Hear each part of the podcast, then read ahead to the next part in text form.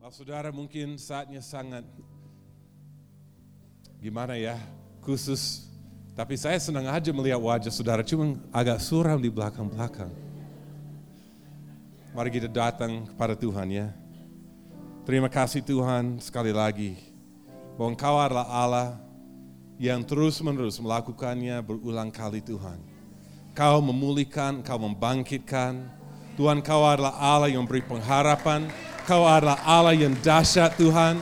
Kau adalah Allah yang beri mimpi dan visi Tuhan. Kau adalah Allah yang membawa kemenangan. Kau adalah Allah yang menyediakan segala sesuatu yang kita butuhkan Tuhan. Do it again God. Kami telah melihat Engkau uh, bergerak Tuhan. Kami sudah melihat Engkau bertindak Tuhan. Lakukannya lagi dalam hidup kami. Bahkan dalam momen-momen ini hari ini Tuhan. Dalam nama Yesus Tuhan. Kami berdoa dan semua orang kudus berkata, Amin. Silakan duduk saudara-saudara. Well, sebagaimana saya duduk di pelabuhan udara di Singapura kemarin, menunggu pesawat Air Asia ke ke Bandung. Saya lagi duduk, saya sebenarnya sudah lebih awal dari semua penumpang yang lain, paling ada dua tiga orang. Sedikit demi sedikit orang mulai masuk ke ruang tunggu. Mereka satu persatu, satu keluarga ini. Dan saya duduk aja melihat semua orang Indonesia masuk satu persatu. Saudara, aku dengar mereka ngomong bahasa Indonesia, aku dengar mereka ada bahasa Jawanya, saya dengar ada bahasa Sundanya, saya ada dengar bahkan ada saya nggak tahu uh, bahasa Chinese yang mana. ada macam-macam. Aku melihat satu kepada satu dari mereka dan saudara tahu apa yang saya katakan dalam hati saya? This is my tribe. Itu yang muncul. Ini adalah suku saya, ini adalah umat saya, ini adalah rumah saya begitu satu kehormatan besar setiap kali saya bisa kembali bersama saudara di Indonesia, di Bandung, apalagi di keluarga saya di JB3. We miss you. Um, Ibu Julie dan saya berdoa terus untuk saudara.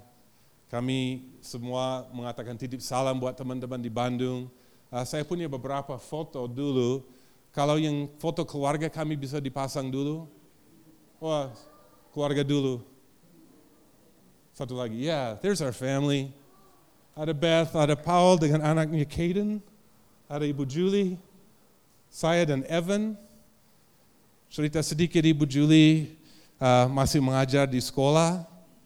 Uh, Paul baru Juni uh, tahun kemarin keluar dari militer. Elizabeth masuk sekolah coding untuk IT. Uh, nilainya 4.0. Saudara tahu Elizabeth ya. nggak pernah kekurangan intelek dia orangnya. Evan mau menikah bulan Agustus sebenarnya ini. Ya, kemudian anggota keluarga yang terbaru kami, Caden, baru sembilan bulan. You know, saudara, uh, tahun kemarin ini menjadi satu tahun yang cukup berat buat keluarga kami. You know, uh, saya rasa kalau saudara belum tahu, memang Paul punya anak di luar pernikahan. Um, uh, uh, pacarnya cukup menjebak dia dan ternyata dia orang sakit, sakit jiwa. Kami uh, bulan pas setelah saya kembali dari Indonesia bulan Agustus kemarin, saya pindah ke, ke negara bagian Virginia untuk menemani Paul untuk semua proses pengadilan. Uh, baru hari ini, Juli ke, ke uh, negara bagian Virginia untuk menjemput Caden untuk bisa tinggal bersama kami sekarang di Seattle untuk seterusnya. Sudah menang semua kasus pengadilannya, um, sudah masih ada satu lagi bulan April untuk menentukan uh, siapa yang punya hak asuh uh, permanennya dan ya kalau kami melihat hakim yang sama yang sudah kasih lampu hijau buat keluarga kami um, akan tetap menjadi hakim untuk bulan April nanti. Hakim uh, bulan April nanti um, kelihatan besar Paul yang mendapatkan haknya. But Caden adalah anak. Jadi selama enam bulan saya terpisah dari Ibu Julie ini. Paling bisa pulang Natal, Thanksgiving, cukup tantangan cukup besar buat keluarga kami. Uh, di tengah-tengahnya papa saya meninggal bulan September kemarin. Di tengah-tengahnya saya melakukan perjalanan ke Uganda uh, pas waktu papa saya lagi sakit. Sakit-sakit di rumah sakit. Tapi Caden ini saya katakan 99% waktunya ini adalah sikapnya Caden. Itu anugerah Tuhan buat dia adalah anak yang paling gampang yang pernah saya lihat. Selalu ter, menghibur, selalu bahagia. Um, bahkan kalau kalau kita telat mungkin 20 menit untuk beri makanan baru dia akan rewel. Selain dari itu, ya nggak nggak pernah rewel anaknya. Um, sekarang udah mulai merayap army. Um, uh, udah udah udah mau duduk sebentar lagi, udah udah sebenarnya udah dua tiga kali udah bisa duduk sendiri. Uh, dari dari terbaring dia bisa duduk, but um, ya jadi saya pulang dari sini uh, kami semua reuni keluarga di di rumah kami di Seattle. Senang sekali. Akhirnya juga baru minggu lalu saya pindah kembali ke Seattle. Um, Julie dan saya begitu senang, hey ada salam dari semua. Ibu Julie titip salam, Evan titip salam, Paul titip salam, Kaden belum bisa titip salam, Elizabeth titip salam. Uh, we love you guys. Hey, kemarin malam ada satu acara yang, yang kalau saya kata, saya jujur, saya hampir nggak mau datang. Um, uh, jujurnya saya cukup capek dan Kang Heri menteror saya terus dengan SMS. Um, jadi kemarin malam saya masuk ke mobilnya, saya nggak pernah balas, saya nggak pernah bilang saya akan datang tidak datang karena saya mau lihat ya jadwalnya bagaimana, ya keadaan sehat, capeknya. Jadi saya lagi siap-siap berangkat dan kemudian saya mendapatkan SMS satu lagi. Hai Gerrit, oh saya sedih sekali saudara karena dia tidak panggil saya Kang Gerrit. Biasanya dia panggil saya Kang Gerrit. Tapi dia cuma bilang Hai Gerrit, saya sedih saudara.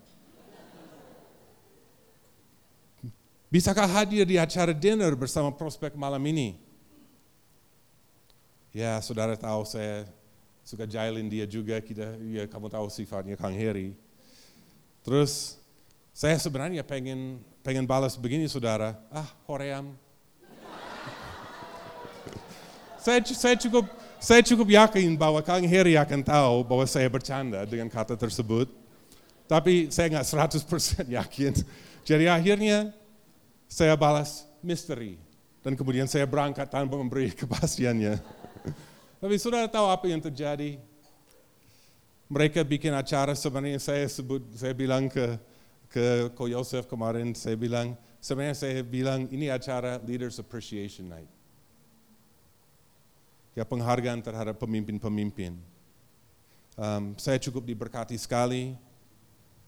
Um, ya, you know, saya begitu-begitu berkati untuk melihat bagaimana orang menghormati. Sikapnya sangat bagus sekali. Um, ya. Dari sedalam-dalam hati saya, saya mau menghormati saudara-saudara, ya, uh, dari prospek untuk melakukan apa yang agung di mata Tuhan. Bukan bahwa pemimpin membutuhkan itu, tapi setiap dari kita perlu memberi hormat. Karena ini memberi satu wawasan yang benar terhadap diri sendiri, bahwa kita bukan yang utama dan pertama di dalam hidup kita. Yesus yang pertama, saudara-saudara kita nomor dua, ya baru kita, ya, uh, you know, yang ketiganya.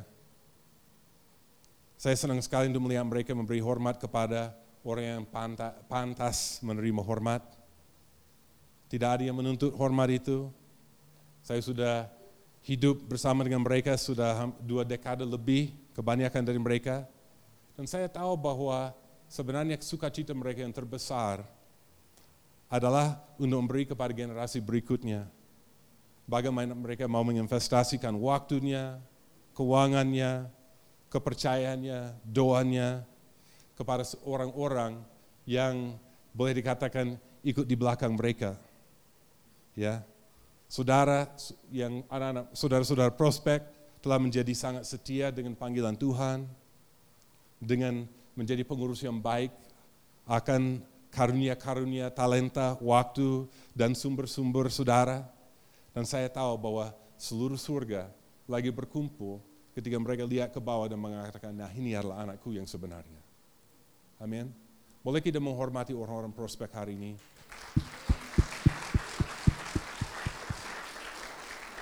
Saya melihat saudara melayani dengan sukacita, dengan kegembiraan di dalam hati. Dan saya titip, ya berikan itu kepada generasi berikutnya, dan generasi berikutnya, dan generasi berikut. Amin. Yang saya mau bagikan hari ini adalah living out God's dreams. Living out God's dreams. Saudara tahu bahwa Tuhan suka memberi mimpi, dia mengatakan bahkan di hari-hari terakhir dia akan mencurahkan rohnya di atas ya ya laki-laki dan wanita yang muda dan tua ya. Dia akan berikan visi kepada yang muda dan atau penglihatan kepada pemuda-pemuda dan taruna-taruna dan kemudian uh, mimpi-mimpi kepada yang tua-tua. Kenapa ya? Saya bilang sebenarnya nggak ada beda jauh antara mimpi dan visi atau penglihatan itu. Itu mirip, cuman itu perbedaan status uh, ya usia kita sebenarnya.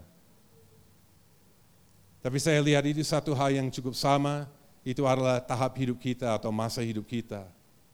Tuhan memberi uh, mimpi atau penglihatan atau visi semua itu, dia memberikan itu kepada orang sepanjang Alkitab. Dari dari kejadian sampai kepada kitab Wahyu, kita melihat Tuhan memberi mimpi kepada orang.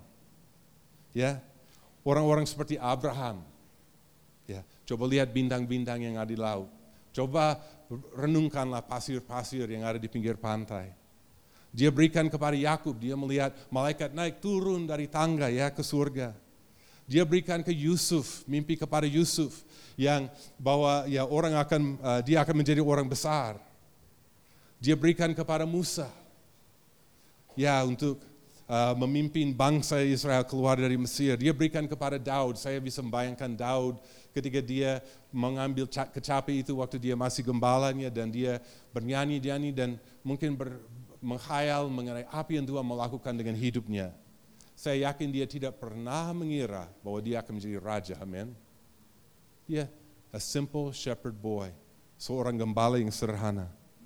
Ya, saya lihat dia berikan kepada Salomo, ya, saya lihat dia berikan kepada nabi-nabi, ya, ke Petrus, kepada Paulus, kepada Yohanes, kepada Yakobus, kepada Zakarias, ayahnya Yohanes Pembaptis, ya, kepada Yusuf yang mengasuh uh, Yesus, ya, ke, kepada Ananias dan uh, di uh, kisah para rasul 10, kepada semuanya. Dia bahkan berikan mimpi-mimpi dan visi kepada orang-orang tidak percaya, seperti Firaun, ya, kepada Nebukadnezar, ya, bahkan kepada Pontus uh, Pilatus, ya, Bagaimana dengan saudara? Bagaimana dengan saudara? Generasi kita didorong lebih dari saya rasa generasi sebelum-sebelumnya untuk memiliki satu satu visi atau mimpi, bahkan untuk bermimpi besar. Dream big. Tidak ada yang mustahil. Excuse me. Tidak ada yang mustahil. Kalau kita kerja keras, kalau kita bertahan dan bertekun ya, kita bisa membangun, kalau kita bisa membangun uh, kepercayaan diri cukupnya, kita akan bisa dan mengejar mimpinya, kita akan bisa melihat itu menjadi kenyataan. Kita sering bertanya satu kepada yang lain, apa yang menjadi mimpimu, apa yang menjadi impianmu. Setiap dari kita punya mimpi, saudara. Setiap dari kita punya impian. Kita, ya ketika kita kecil sampai menjadi besar, kita punya mimpi, saudara, impian. Kalau kita dibesarkan di dalam keluarga yang relatifnya ya uh, bahagia di dalam, di dalam rumah tangganya, mungkin kita membayangkan hal-hal yang fantastis seperti mungkin kita uh, menjadi astronot yang pergi ke bulan atau ke Mars nantinya. Atau bahwa kita menjadi orang super kaya. Atau bahwa kita menjadi orang-orang terkenal seperti seorang politisi atau seorang artis uh, musik ya atau kepada seorang ilmuwan atau orang-orang yang akan menemukan sesuatu yang akan sangat membantu banyak orang dan mungkin menjadi kaya. Mungkin ada beberapa dari kita yang bermimpi mengenai uh, pernikahan nantinya dan bagaimana kita akan punya keluarga. Mungkin kita akan bahagia untuk sampai selama-lamanya. Itu alasannya kenapa reality TV seperti Indonesian Idol atau American Idol atau X Factor begitu populer. Ya, walaupun tidak semuanya di dalamnya itu kenyataan apa yang sebenarnya terjadi dalam kehidupan orang itu. Tapi karena itu benar-benar memperlihatkan impian dari orang-orang. Dan mungkin kadang-kadang dalam hidup kita, ya itu membawa kita kepada satu satu tempat di mana kita bisa berharap. Ya, mungkin di dalam hidup kita kita ngelihat semua cita-cita kita atau pengharapan kita menjadi kenyataan, tapi untuk satu momen kita bisa nonton reality TV dan kita bisa ikut berbahagia melihat ya impian orang lain atau cita-cita orang lain terwujud. Ya. Mungkin ada orang lain yang tidak tidak semua dari kita uh, dibesarkan di dalam keluarga yang bahagia. Itu bukan pengalaman semua orang. Mungkin ada orang yang datang dari keadaan yang sangat desperat, yang sangat sangat susah atau menyesak.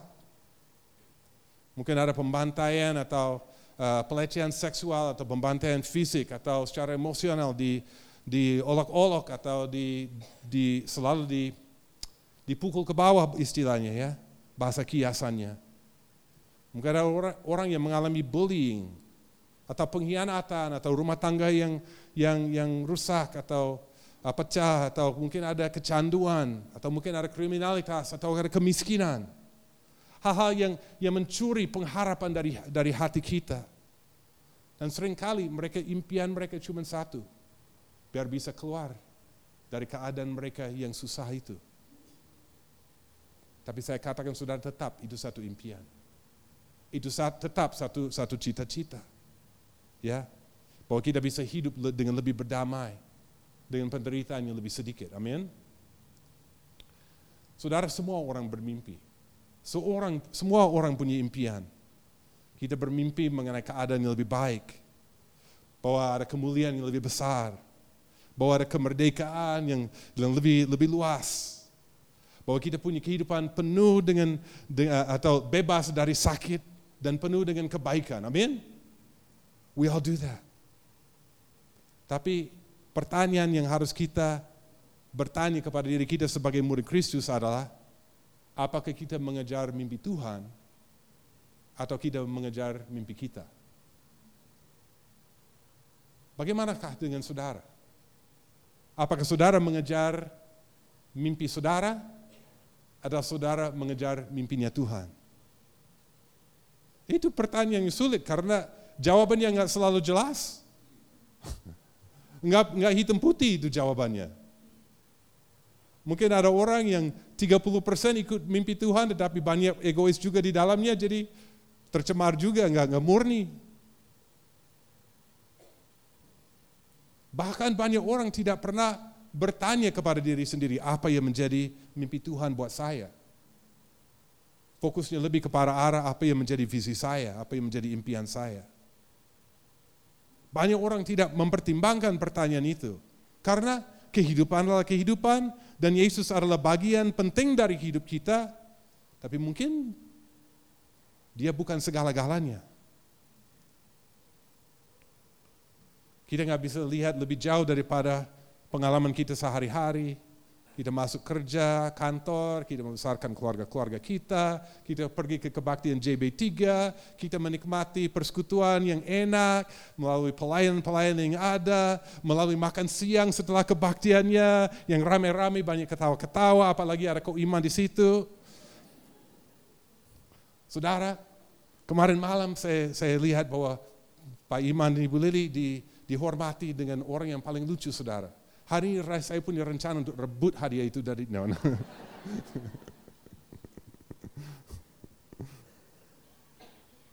ya mungkin kita berkumpul untuk lebih banyak aktivitas.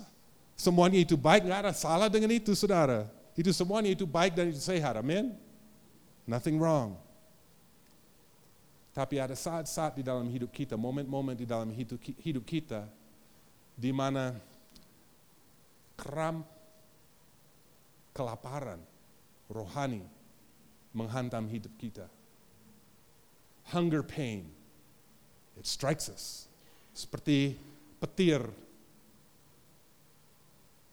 Dan kadang-kadang itu sangat penuh kuat, sangat kuat. Dan kita pengen lebih banyak lagi dari Tuhan. Kadang-kadang kita mulai merasakan bahwa kita kekurangan sesuatu. Banyak dari kita dengan segera menyingkirkan pikiran-pikiran seperti itu dan kita menghibur diri dan mengatakan, well ini adalah hidup saya, saya harus terima begini keadaannya. Dan boleh saya mengatakan kepada saudara, ya mungkin saja saudara ada saat ini persis di mana Tuhan mau saudara berada. That's okay. Tapi satu kemungkinan lagi adalah bahwa Tuhan sedang membangkitkan dia sedang membawa satu gejolak di dalam hati dan hidup saudara.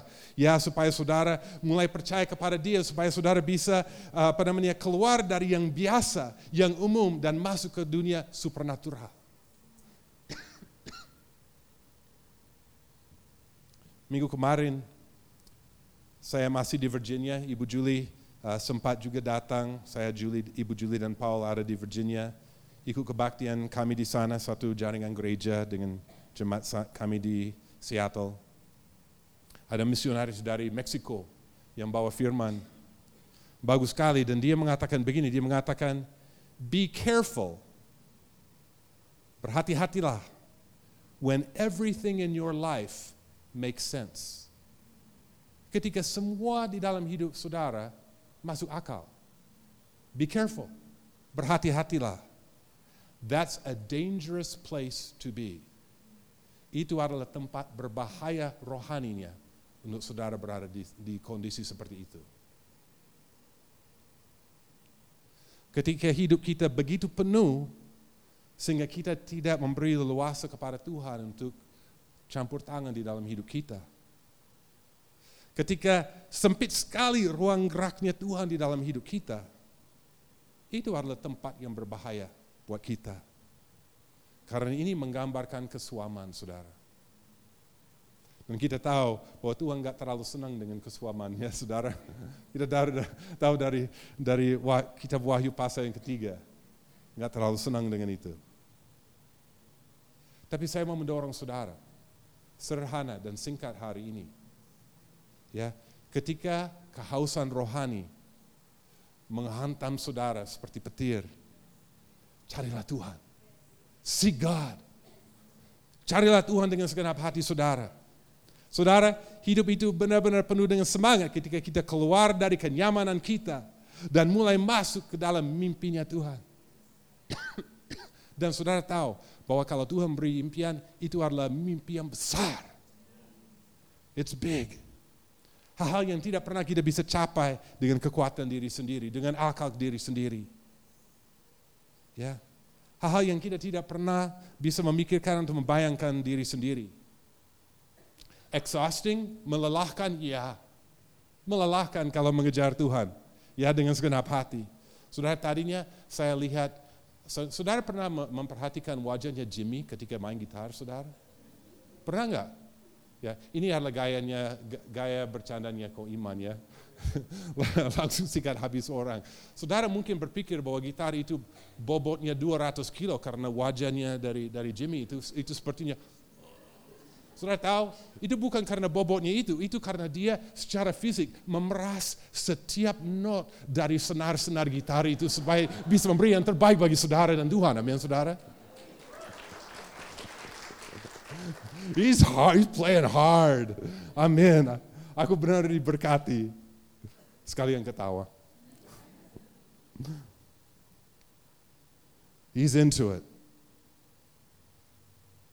Tapi sukacita dan excitement dari mengejar Tuhan dan hidup dalam mimpi Tuhan buat hidup kita, itu membuat semuanya layak kita tangguh. It's worth it. Amin saudara. Kita lihat di dalam uh, perjanjian lama, ya, kita lihat bagaimana Tuhan sendiri mengatur masalah ini buat umat Israel mengenai bagaimana mereka mengejar mimpinya Tuhan dan tidak mengejar mimpinya sendiri atau visi sendiri. Di kitab bilangan 15 ayat 38, Tuhan mengatakan kepada Musa, dia mengatakan, berbicaralah kepada orang Israel dan katakanlah kepada mereka bahwa kamu harus membuat jumbai-jumbai para punca baju mereka turun-temurun dan dalam jumbai-jumbai punca itu harus dibubuh benang ungu kebiru-biruan, maka jumbai itu akan mengingatkan kamu apabila kamu melihatnya kepada segala perintah Tuhan. Segala kamu melakukannya dan tidak lagi menurut hatimu, menuruti hatimu atau matamu sendiri. Seperti biasa kamu perbuat dalam ketidaksetiaanmu terhadap Tuhan. Mereka semua pakai jumbai-jumbai ya di, di ujung-ujung bajunya segala macam. Saudara tahu, uh, ketika saya membaca uh, perjanjian lama dalam bahasa Indonesia, saya selalu belajar kata-kata baru. Ya, kalau saya pernah merasa yakin bahwa saya lancar bahasa Indonesia-nya, ya Tuhan selalu membawa saya ke kitab uh, imamat atau kitab bilangan seperti itu supaya saya bisa rendah hati kembali, saudara. Ya, jumbai, membubuh, puncak. Itu satu pendidikan belajar Alkitab dalam bahasa Indonesia, saudara. Puncak. Apa itu puncak? Saya harus tanya kepada kepada uh, Koaka sama Frida di, di mobil, uh, mereka bilang, wah itu kayaknya udah punah. Kata itu dalam, dalam maksud itu. Panca saya tahu, puncak saya tahu, pucuk saya tahu, ponco saya tahu, puncu saya tahu, macu picu saya tahu, tapi pan, itu saya nggak tahu. Puncak saya nggak tahu. Ketika di Google sudah tahu apa yang dikasih lihat? Dikasih lihat foto buntu kucing. Oke, okay.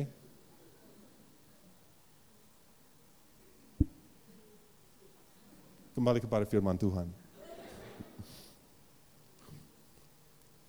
Di sini kita lihat bahwa umat Israel didorong untuk tidak menuruti keinginannya sendiri, visinya sendiri, tapi untuk memperhatikan segala perintah-perintah Tuhan. Ya, dia bahkan mengatur supaya mereka memakai jumbai-jumbai itu ya dipasang kepada baju mereka supaya mereka bisa ingat bahwa mereka adalah anak Tuhan. Bukan anak dunia, saudara. Kadang-kadang kita perlu mengingatkan diri kita bahwa kita adalah Tuhan, bukan anak dunia. Karena dunia mendesak kita dengan banyak visi, dengan banyak impian, banyak cita-cita. Supaya mereka firman Tuhan katakan supaya mereka mengerti bahwa mereka orang umat kudus bagi Tuhan. Bahwa mereka adalah bangsa imamat rajani, amin saudara. Itu bukan hanya dari perjanjian baru, itu juga kutipan dari perjanjian lama saudara bahwa mereka adalah eh, bangsa rajani, amin. Imamat kudus kepada Tuhan. Dunia ini mendorong kita untuk bermimpi besar. Tapi Alkitab mengatakan bahwa semua itu akan berlalu. Semua itu akan hilang pada satu saat. Tapi mimpinya dari Tuhan, thanks, I'm okay, thanks. Kalau saya mulai minum nantinya lebih susah lagi. Orang lain suka, saya gak bisa. ya. Dunia mendorong kita untuk bermimpi besar. Tapi Alkitab mengatakan semuanya akan berlalu. Saudara tahu bahwa mimpinya Tuhan selalu bawa kita kepada kehidupan yang kekal, amin saudara? Kehidupan yang full. Kepada satu upah yang kekal, saudara. Kepada kekekalan bersama dengan Kristus. Lebih baik itu membawa keluarga kita kepada Tuhan ketika kita mengejar Tuhan bahwa kita juga memimpin orang-orang lain kepada Tuhan, kepada keselamatan, amin. Kepada pengharapan baru dalam Kristus. Saudara nggak ada yang lebih besar, nggak ada yang lebih enak dari itu. That's the best life. Itu adalah kehidupan yang terbaik, saudara. Kemuliaan dari manusia itu berlalu, saudara. Ya, saudara tahu bahwa sedikit dari kita meninggalkan satu jejak yang akan dicatat oleh sejarawan-sejarawan. Tetapi catatan di surga itu Tuhan sediakan piala buat kita, amin saudara. Pahala buat kita.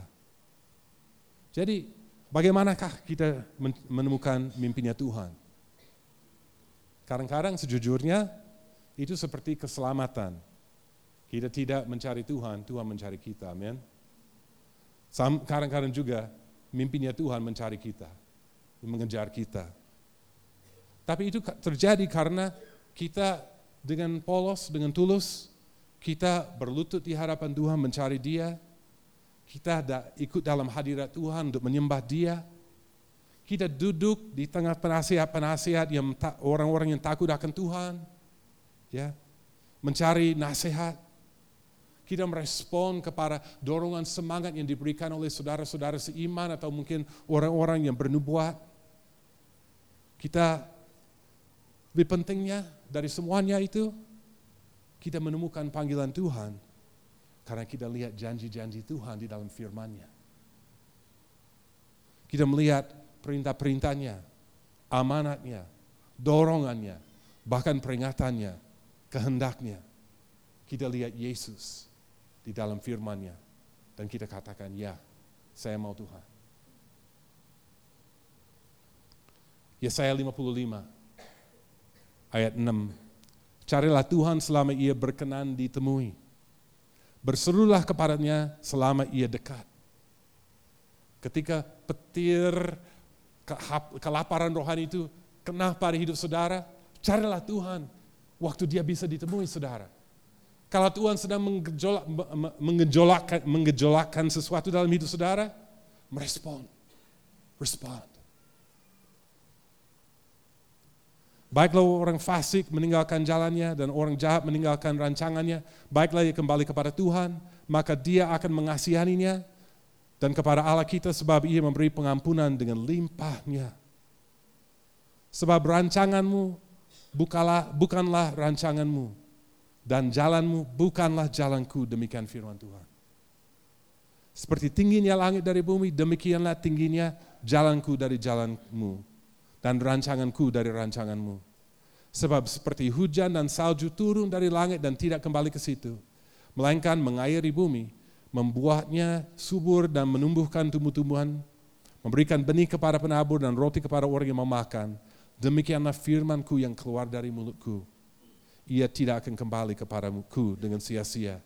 Tetapi ia akan melaksanakan apa yang ku kehendaki dan akan berhasil dalam apa yang kusuruhkan kepadanya. Saudara banyak ayat, ayat itu kita suka kutip terpisah dari yang lain. Ya apalagi yang ya firman Tuhan keluar dan tidak kembali dengan sia-sia, kita selalu mengutip itu kalau kita mau meyakinkan diri mengenai Tuhan akan melakukan ke, uh, firman-Nya. Tapi kita tidak mengkaitkan dengan konteksnya bahwa Tuhan mengatakan carilah Tuhan waktu dia bisa temu, ditemui, amin saudara. Ya ketika dia mengatakan bahwa rancanganku, ya jalan-jalanmu bukan sama dengan jalanku karena lebih tinggi jalanku daripada jalanmu, amin. Kita harus mengerti seluruh konteksnya. Di situlah itu adalah janjinya Tuhan. Ketika kita mendapatkan mimpinya, dia berkata bahwa dia uh, firmannya tidak akan kembali dengan sia-sia. Ketika dia berbicara dalam hidup saudara, jangan saudara takut. Kadang-kadang terus terang kita tahu mimpi Tuhan buat kita. Tetapi kita merasiokannya kita mulai berdalih. Ini adalah kepribadian saya, ini adalah karakter saya, ini adalah keadaan saya. Saya tidak bisa karena titik titik titik titik titik. Jadi apa yang sebenarnya membuat kita tidak mau mengejar mimpi Tuhan? Cuma satu rintangannya saudara, dan itu rintangan yang yang klasik saudara namanya ketakutan. We fear. Saudara tahu bahwa ketakutan lawan dari kepercayaan. Kita takut mengenai konsekuensi yang tidak bisa kontrol atau tidak bisa kita ketahui. Kita takut mengenai kita akan ditolak atau dicap domba hitam dari keluarga. Kita takut bahwa kita akan diperlakukan sama mungkin oleh masyarakat di sekeliling kita, lingkungan kita. Kita takut bahwa kita akan mengalami status yang lebih rendah daripada kalau kita mengejar ya sesuai dengan kepintaran kita. Kita takut gagal. Kita takut bahwa kita akan berkekurangan. Semua hal itu menjadi ketakutan yang wajar. Saudara tahu bahwa ketakutan sebenarnya adalah satu insting atau naluri untuk melindungi diri sendiri, memproteksikan diri sendiri supaya kita tidak mengenal sakit, supaya tidak mengenal susah. Itu ketakutan. Ya. Semuanya mengenai bagaimana kita menyelamatkan diri sendiri, melindungi diri sendiri. Dan sudah tahu perkataan Yesus. Kalau kita berusaha untuk menyelamatkan hidup kita, kita akan kehilangannya. Tapi kalau kita kehilangannya buat Tuhan, justru kita akan menemukannya. Amin. There's true life. Ada kehidupan yang sesungguhnya di dalam Yesus. Amin. Apalagi 2 Timotius 1 ayat 7 mengatakan Tuhan tidak berikan kita roh, ketakutan, melainkan kasih, kekuatan, dan ketertiban. Amin. Tuhan tidak memberikan kita roh ketakutan. Ada satu foto lagi, siapa yang di belakang? Mungkin saudara ingat beberapa tahun yang lalu. Saya kasih saya kasih cerita ini di mana saya pertama pulang ke Amerika. Saya orang sudah tua, sudah berusia di dalam jemaatnya dan saya diberikan tugas untuk uh, bantu melayani mengawasi kaum muda di dalam jemaatnya dan uh, itu anak-anak SMA.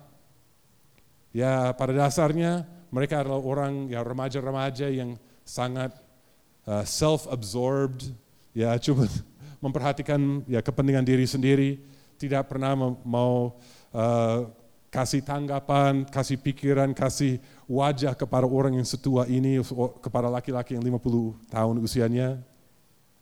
Bahkan saya berpikir, banyak dari mereka juga berpikir, kenapa orang tua ini ada di ruangan pemuda kita?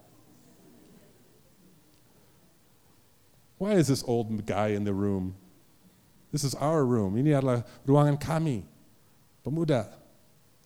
Dan saya tahu kalau Yesus mau memakai saya untuk punya dampak dalam hidup mereka, saya harus memenangkan hati mereka. Pada saat itu dalam pengalaman gereja mereka, mereka cuma mengalami kekecewaan demi kekecewaan demi kekecewaan dengan pemimpin-pemimpin yang ada, pemimpin rohaninya. Jadi saya tahu bahwa cara satu-satunya untuk melakukan eh, untuk bisa memenangkan hati mereka adalah untuk melakukan sesuatu yang dramatik, saudara. Jadi kesempatannya muncul ketika anak-anak muda mulai loncat dari tebing, yaitu ada ada ada tiga tingkat, satu yang kira-kira 5 meter, satu yang 9 meter, satu yang 13 meter. Danau di bawah. Kemudian saya lagi dengan sangat aman dan nyaman lagi berdiri ada batu di permukaan air ya ada yang yang yang dangkal di situ. Saya lagi duduk lihat aja anak-anak loncat terus saya pikir saya lihat itu saya pikir wah mungkin ini kesempatannya saya saya udah deg-degan saudara. Jadi saya berkata kepada saya berkata kepada uh, pemimpin pemudanya namanya Stanton pernah saya ajak ke sini beberapa tahun lalu. Dan saya bilang Stanton gampang sekali orang loncat kaki dulu. Baru-baru itu orang berani kalau dia mau kepala dulu. Ketawa semua, ketawa semua bilang, ya kamu besar-besar aja ngomongnya Gerrit, coba kamu aja. Saya bilang, oke. Okay. Bodoh saudara, bodoh sekali. Jadi dari tebing itu saya, saya ambil dari 13 meter, saya lihat ke bawah, saya nggak berani. 9 meter, saya lihat, sudah tahu mungkin 20 menit saya mondar mandir dari dari ujung tebing itu. Akhirnya saya katakan, wow, saya harus saya harus melakukannya saja. Saya loncat, sangat menakutkan sekali saudara. Ya, ya, sudah tahu akhirnya itu benar-benar menakutkan, tapi juga sekalian thrilling. Tetapi saudara tahu bahwa itu punya dampak yang diharapkan Malam itu waktu kita semua kumpul di tenda kebaktian, semua anak-anak muda mulai muda, anak-anak muda mulai bercanda mengenai Superman Garrett. Garrett bisa melakukan apa saja. Dia bisa dan kemudian mereka mulai menceritakan hal-hal yang fantastis yang tidak mungkin seorang manusia bisa lakukan. Tapi saya menjadi orang itu bagi mereka. Kemudian semua orang berkumpul di sekeliling saya dan dari saat itu orang langsung mau buka hati mereka ke saya, langsung, langsung bisa mulai pelayanan dengan cepat sekali. Dan kadang-kadang kalau kita melakukan mimpi Tuhan, itu seperti loncat dari tebing. Kita lihat ke bawah itu mengerikan sekali. Jauh. Tidak mungkin kita bisa mencapainya. Bahkan waktu akhirnya kita ya, mengerahkan keberanian untuk akhirnya meloncat, seru minta ampunnya juga, terbang 9 meter. Di, apalagi sakitnya ketika kepala kena airnya.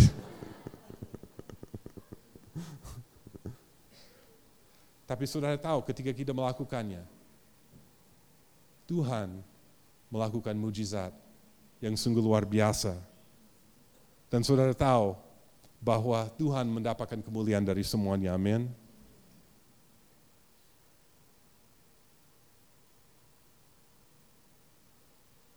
Saudara tahu dari dari pemuda itu, walaupun saya uh, tidak terus melayani di situ, salah satunya dari anak itu menjadi misionaris ke negara Kolombia sekarang. Satu lagi masuk uh, sekolah Alkitab untuk menjadi seorang full time gembala. Satu lagi menjadi mentor yang sampai sekarang mengurus um, tim, uh, sorry kaum muda di, di jemaat itu. Dan mungkin mereka tidak ingat ketika saat di mana saya loncat dari dari tebing itu. Tapi saya masih sampai sekarang, sekian tahun, lima tahun setelah saya tidak lagi di tempat pelayanan itu.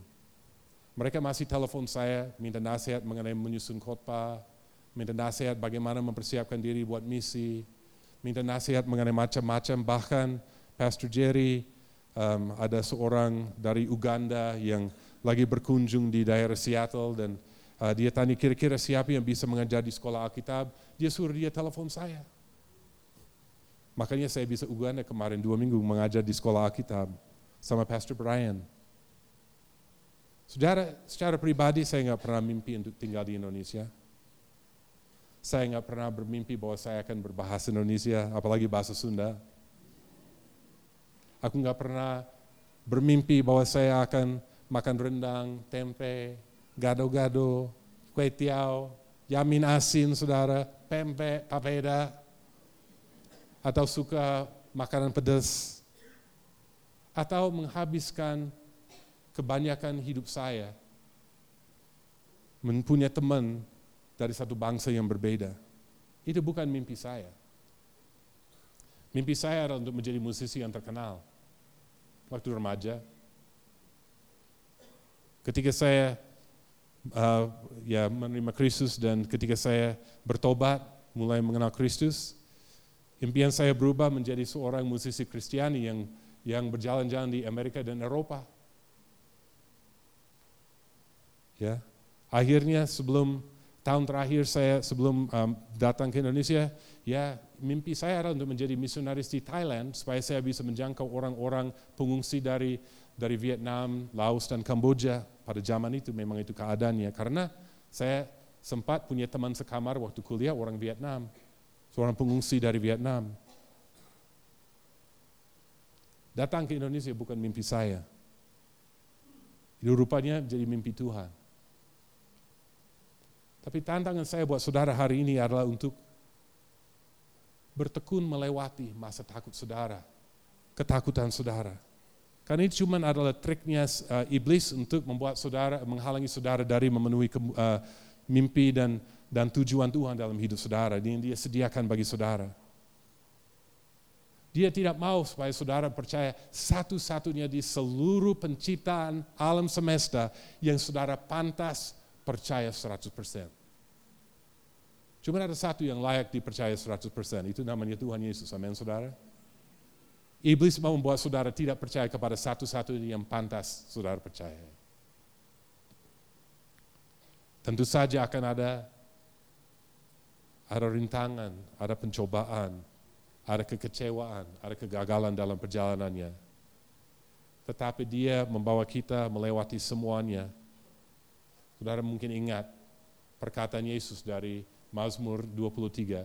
Walaupun aku ya jalan di lembah kekelaman, aku tidak akan takut. Amin saudara. Ya, tongkat, thy rod and thy staff. Ya, apa? Ya, ya, mereka menghibur aku. Amin saudara. Cuma ada satu cara untuk menyenangkan Tuhan dan melihat bahwa impiannya akan terpenuhi dalam hidup saudara. Dalam bahasa Inggrisnya, tiga huruf. Y-E-S. katakan yes kepada Tuhan. Katakan ya. Dalam bahasa Indonesia cuma dua huruf, ya. Amin. Bukan tiga huruf iya, karena iya berarti kita ragu. Iya. Ya. Amin saudara. Dua huruf. Jangan pernah underestimate atau menilai terlalu rendah kekuatan dari yesnya saudara yang kecil setiap hari. Your little yeses to God punya dampak yang sangat besar. Karena setiap yes yang kecil itu mempersiapkan saudara untuk yes yang lebih besar. Amin. Saya percaya bahwa Tuhan hari ini saya mau mengundang tim uh, musik ya. Saya percaya bahwa Tuhan hari ini mungkin mau melepaskan mimpi-mimpi yang baru di dalam hidup saudara. Mungkin dia mau membangkitkan kembali beberapa mimpi atau impian yang kendor dalam hidup saudara. Ya. Saya percaya bahwa hari ini Tuhan sedang berfirman kepada kita He's speaking to us. Dan dia mau melepaskan satu pelepasan yang baru akan visi, urapan. Saya mau mengajak saudara untuk bangkit berdiri dan kita datang kepada Tuhan. Silakan bangkit berdiri.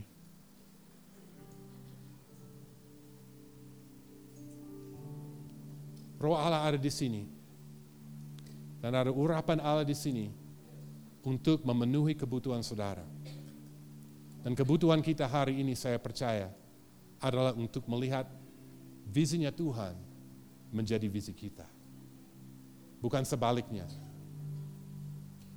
Tuhan mau menyatakan, Tuhan mau memulihkan, Tuhan mau membangkitkan hari ini. Dan saya percaya ada individu-individu, saya tahu roh kudus bagaimana dia bekerja ada aspek dari firman yang saya bawakan yang mungkin kena pada satu orang, ada aspek yang berbeda yang kena di hati orang lain yang mengatakan itu yang saya mau, itu yang saya mau, itu yang saya mau. Saya tahu itu cara Roh Kudus. Tuhan luar biasa, Dia mengambil lima roti dan, dan dua ikan dan dia melipat gandakannya memberi makan kepada lima ribu jiwa. Amin, saudara. Itu yang Tuhan lakukan dengan firman-Nya.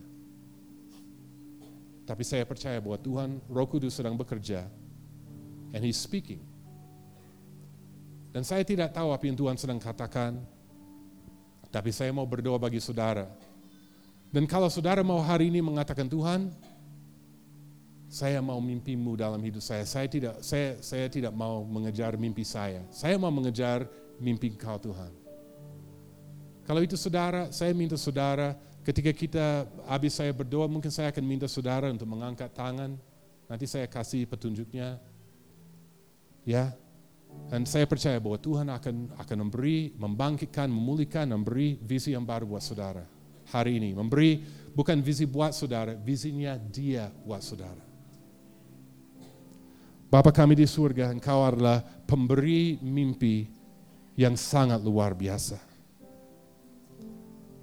Dan impian dan mimpi yang kau berikan kepada kami, visi yang kau berikan kepada kami, entah itu waktu kami muda, entah waktu itu setengah bayar atau sudah tua.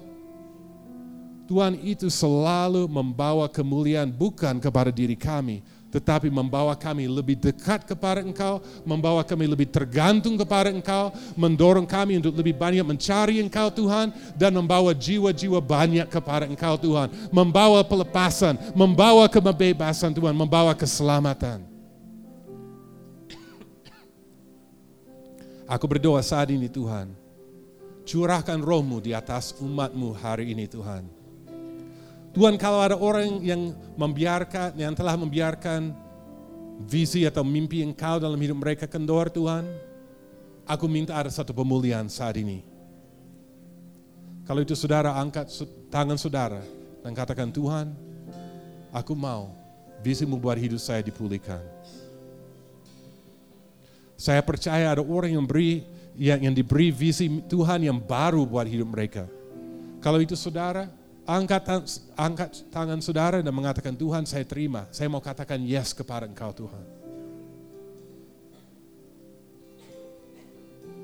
Thank you Jesus. Thank you, Jesus. Thank you, Jesus. Thank you, Jesus.